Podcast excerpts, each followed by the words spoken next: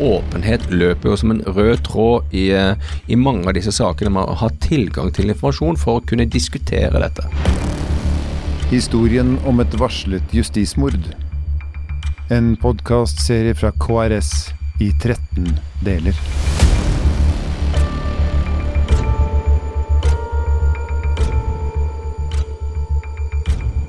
Del 8. Det er veldig overraskende hvor lite journalistikk som er gjort på justismord, og for all del særlig i forhold til å grave og se på saker for å vurdere om de eh, om det foreligger kanskje et justismord. Men i 2017 så skjedde det noe.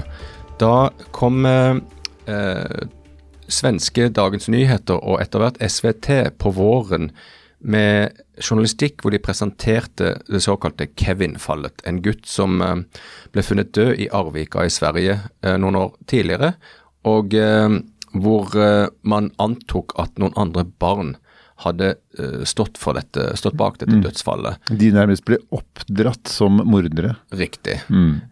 dette var skjellsettende for svensk journalistikk. Og eh, også for, eh, også for norsk journalistikk. Etter Kevin-fallet så, så, anbefalte de svenske direkte til og norske journalister i NRK å se på Silje-saken. Eh, denne jenta som på 90-tallet ble ble mishandlet og funnet død i en akebakke i Trondheim. Mm.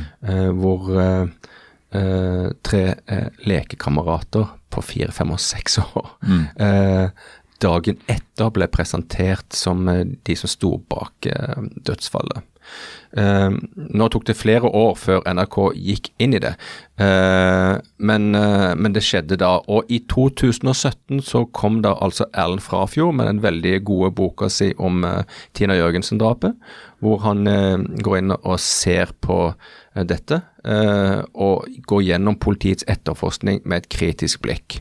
Eh, og eh, litt senere så kom Bjørn Olav Jahr med Baneheia-boka. Mm. Uh, så dette er på en måte et år hvor journalister ser nærmer seg justismålet på en annen måte, men i veldig liten grad er det redaksjoner som gjør dette. Det er, det er enkeltpersoner? Først og fremst enkeltpersoner. Gjennom mitt arbeid med denne boka så har jeg blitt interessert i tematikk rundt justismord, naturlig nok, for å prøve å forstå dette.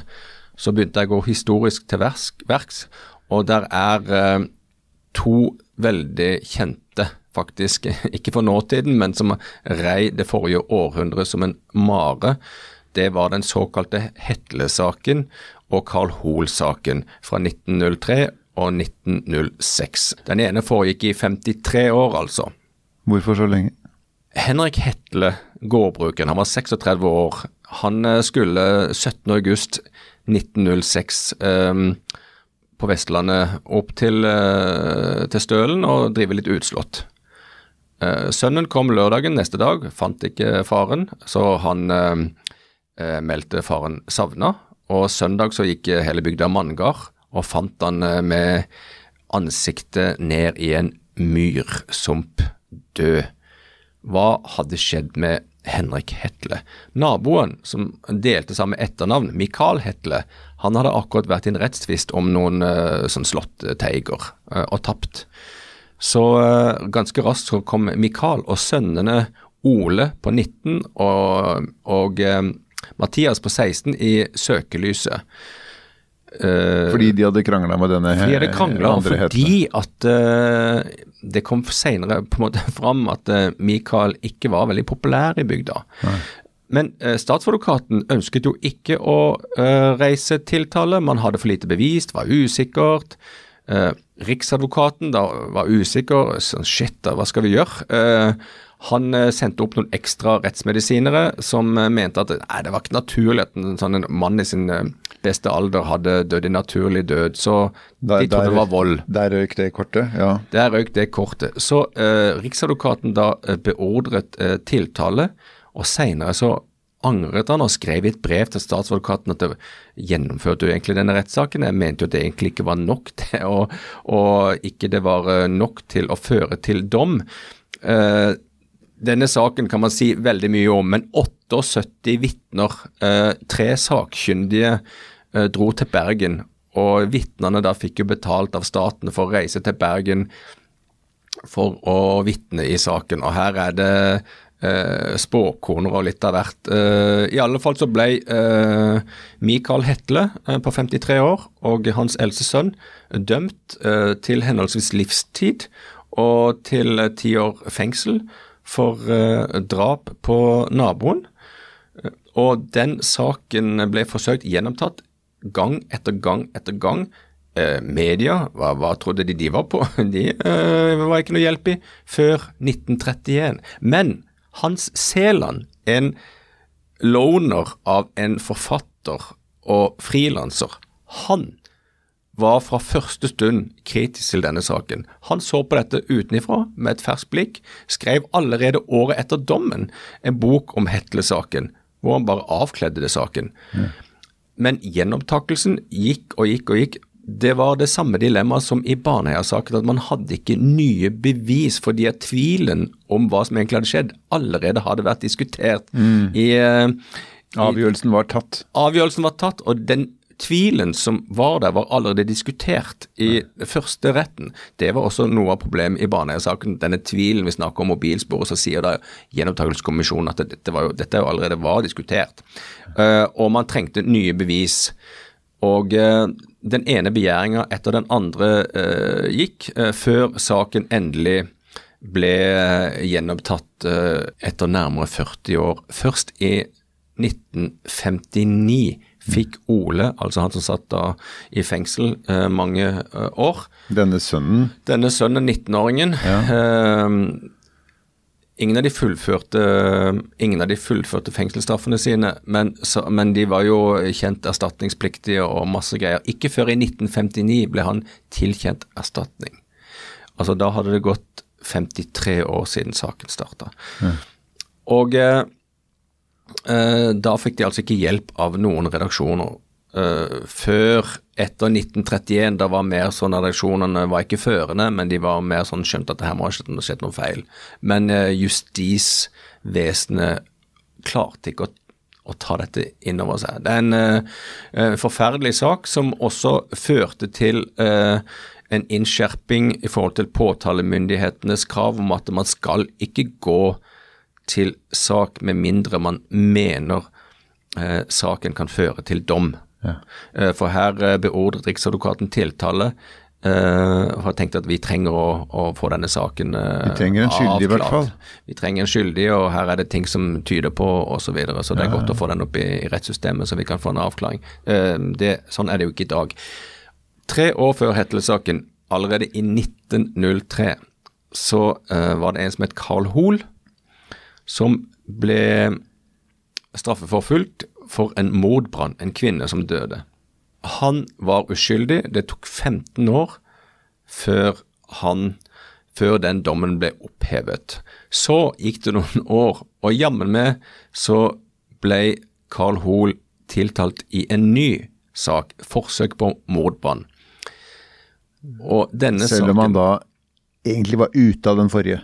Ja, dette var en ny sak. Det var liksom sånn Hvor um, Carl Hoel må jo ha vært verdens mest uheldige mann. I 1929 så um, ble han igjen anklaget for forsøk på mordbrann denne gang. Sikta for ildspåsettelse og forsøk på forsikringssvindel. og Senere ble han dømt til 18 måneders fengsel. Uh, først da i 1951, 86 år gammel, så ble han altså endelig eh, frifunnet for det. Og eh, her var det da en journalist eh, som eh, eh, gikk inn og så på saken, og det er vel før 2017 så er vel det eneste jeg har funnet, det har falt. jeg skal ikke påstå at det ikke kan ha vært noen andre. Her var det en journalist i Aftenposten som uh, gikk inn i saken og, og, så at her må det ha skjedd, skjedd, noe gærent. Og jeg vil si det sånn, for det var ikke redaksjonen, det var journalisten sjøl. Det var en sånn legendarisk eh, krimreporter, Fridtjof Knutsen, som dekka krim for Aftenposten fra 1934 og, og helt til han døde som 67-åring i, i 1961. Han var også forfatter og oversetter. Jeg tror vi skal si at uh, i denne tida, da, uh, og slik var det også omtrent fram til ja, for 20 år siden, det å være reporter, så var på en måte reporteren sentral i redaksjonen. Mm. I dag er uh, reporteren mer et verktøy for en redaksjonsledelse. Mm. Men han uh, sjøl var veldig involvert og styrte sin egen, egen virksomhet. Og han uh, kontakta to pensjonerte kriminaletterforskere i 1948 som gjorde nye undersøkelser i denne mordbrannsaken. Og Da ble saken gjenopptatt eh, året etter, og 21 år etter eh, hendelsen så ble eh, frifinnelsesdom avsagt i 1951. Da var denne Carl Hoel 86 år gammel. Tenk at det må ha ridd han og hans liv, dette her. Tenk at det har ridd han og hans liv. Og det er eh, helt utrolig. Og det er helt utrolig å se tilbake og se hvilken rolle journalister har hatt, eller ikke har hatt, i å gå inn og se på justismord. Mm. Og eh, her er det mange årsaker. Jeg, i, I min bok så skriver jeg jo at eh, vi journalister er håndverkere. Altså, vi er ikke først og fremst intellektuelle som kan bruke tida på å dykke ned i mulig justismåte. her må man på en måte ha en viss forståelse for dette, og ikke minst forståelse for tilgang til informasjon, som vi mm. har snakket om i denne podkastserien.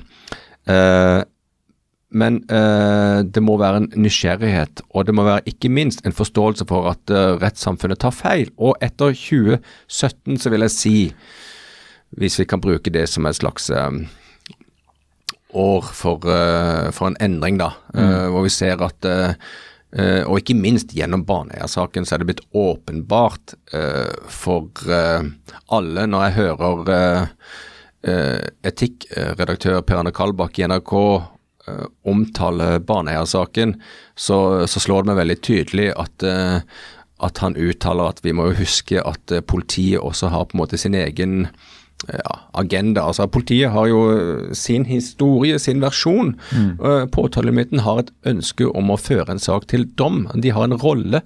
Nettopp det å forstå ulike roller i rettssamfunnet, og være åpen for at her kan skje justisfeil, justismord, eh, kunne pirke i sånne saker og forstå at Gjenopptakelseskommisjonen eh, har også begrensa ressurser, begrensa midler. Det var en sjokkartet opplevelse for veldig mange å forstå at i flere av disse sakene så er det en og samme Eh, person som har hatt ansvar for å følge opp og tilrettelegge saker for kommisjonen. og Hvis vedkommende da har en oppfatning av at mm. det ikke fører fram, så framgår det da uh, saken. Så Å forstå disse tingene er utrolig vesentlig. Og Vi kan også kanskje bruke denne Hetle-saken fra 1906, hvor uh, han blir altså funnet død. Det fins en konflikt som folk vet om, med en kar som ikke er all, all verdens populær i bygda.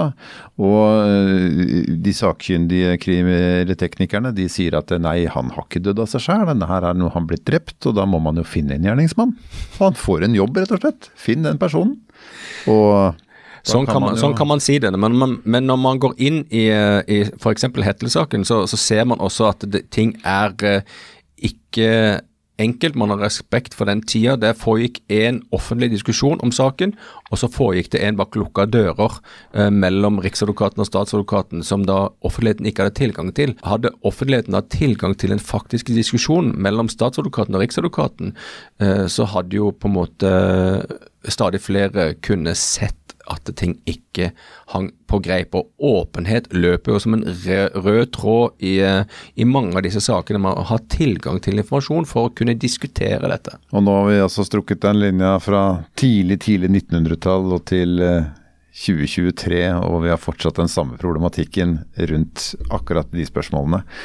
Eh, jeg kan våge meg på en, eh, en, liten eh, Ikke en påstand, men en liten teori. Og det er at vi har i større grad mennesker som opererer fritt, både journalistisk og som forfattere og dokumentarskapere nå enn vi hadde tidligere. Fordi man er ikke lenger avhengig av å få det publisert, og spesielt sted osv. Altså dette, denne arenaen er mye større nå. Um, tror du at vi har sett et skifte i fokuset på interessen for justismord og justisfeilsaker? At vi kommer til å få mer av det nå enn vi hadde før 2017? Med bølgen av true crime, eh, alt fra Netflix til podkaster her hjemme, jeg tror helt åpenbart at vi kommer til å se mer av det. Det er et kommersielt marked for det, så det er mulig å finansiere arbeid. For det er dyrt å holde på med å bla i gamle dokumenter, og ikke minst mase om å få tilgang. Mm. Så ja, eh, det er det, og det er en stor interesse for det. Og det er eh, også en større kunnskap om at justisfeil foregår. Og jeg tror at det vil om ikke være en jakt på det, så kommer det til å være en stor interesse for å snu på steiner og se på saker og hva som eh, foregikk. Jeg forventer jo nå at vi snart får en ordentlig diskusjon om hva som egentlig var sannheten om Orderud f.eks. Mm. Eh, om de var eh, skyldige eller ikke, det er én ting, men hva som egentlig foregikk og hva som skjedde, og åpenhet rundt eh, dette, er noe vi trenger i denne og i flere saker. Så ja, det forventer jeg. Og jeg forventer også at VG og Dagbladet på en helt annen måte enn de har gjort de siste årene. For den endringen vi har sett fra 2017, den gjelder ikke Uh, Norges største krimredaksjoner, som snakker om krim og har krimpodder og, og profilerte krimjournalister ikke klarer å avdekke justismål, ikke driver med det. Hva, hva, er de, hva er de driver med da i disse krimredaksjonene? Historien om et varslet justismord. En podkastserie fra KRS i 13 deler.